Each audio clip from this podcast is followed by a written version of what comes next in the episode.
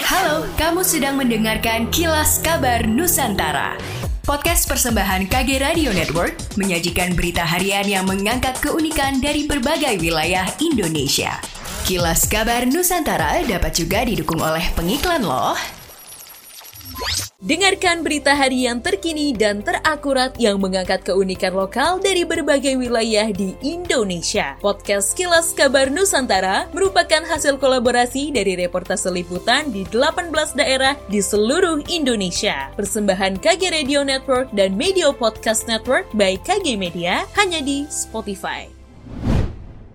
Istri Presiden Joko Widodo yang juga ibu negara Iriana Jokowi, Wuri Maruf Amin, beserta para anggota Organisasi Aksi Solidaritas Era Kabinet Indonesia Maju melakukan kunjungan kerja ke Palembang. Kunjungan kerja ibu negara ke Palembang diawali ke TK Putra 1 Palembang dan dilanjutkan ke Gria Agung. Dalam kunjungan kali ini, Ketua TP PKK Provinsi Sumatera Selatan Febrita Lustia Hermanderu mengenalkan songket dan angkinan ke Iriana Jokowi. Saat di Gria Agung, Iriana Jokowi dan Wuri Maruf Amin didampingi Ketua TP PKK Provinsi Sumatera Selatan Febrita Lustia Hermanderu dan Wakil TP PKK Provinsi Sumatera Selatan Fauziah Mawardi Yahya melakukan penanaman pohon mangga dan jambu biji kristal. Setelah melakukan penanaman pohon, dilanjutkan melakukan cek kesehatan, peninjauan UMKM, perajin bambu, pengerjaan kain tenun, dan kemudian menyaksikan fashion show dari desainer lokal seperti Brilianto dan Intan Songket. Vaksin booster kedua lansia di Palembang mulai dilakukan sejak kemarin, Selasa 22 November 2022. Pemberian vaksin COVID-19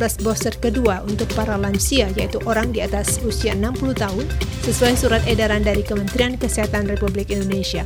Bagi lansia di Palembang yang ingin mendapatkan vaksin booster kedua, dipersilakan mendatangi fasilitas pelayanan kesehatan terdekat. Kepala Bidang Pencegahan dan Pengendalian Penyakit Dinas Kesehatan Kota Palembang, Yudi Setiawan mengatakan, pemberian vaksin booster kedua untuk lansia diberlakukan untuk seluruh provinsi, kota, kabupaten seluruh Indonesia.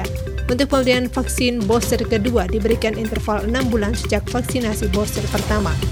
Desa wisata mampu menjadi sumber pendapatan bagi kabupaten kota karena dapat menarik kunjungan wisatawan. Sekretaris Dinas Kebudayaan dan Pariwisata Provinsi Sulawesi Selatan, Devo Kadafi menyebut terdapat empat desa wisata di Sulsel masuk dalam jajaran 50 besar Anugerah Desa Wisata Indonesia ADWI 2022. Empat desa wisata tersebut yaitu Desa Barania di Kabupaten Sinjai, Desa Wisata Matano Iniaku di Kabupaten Luwu Timur, Desa Wisata Campaga di Kabupaten Bantaeng, dan Desa Wisata Kambo di Kota Palopo. Menurutnya kehadiran desa wisata dapat mendongkrak perekonomian masyarakat setempat. Lebih jauh, Devo menyebut pengembangan desa wisata tidak hanya melihat satu variabel, melainkan banyak hal jadi pertimbangan, mulai dari sarana prasarana hingga infrastruktur pendukung.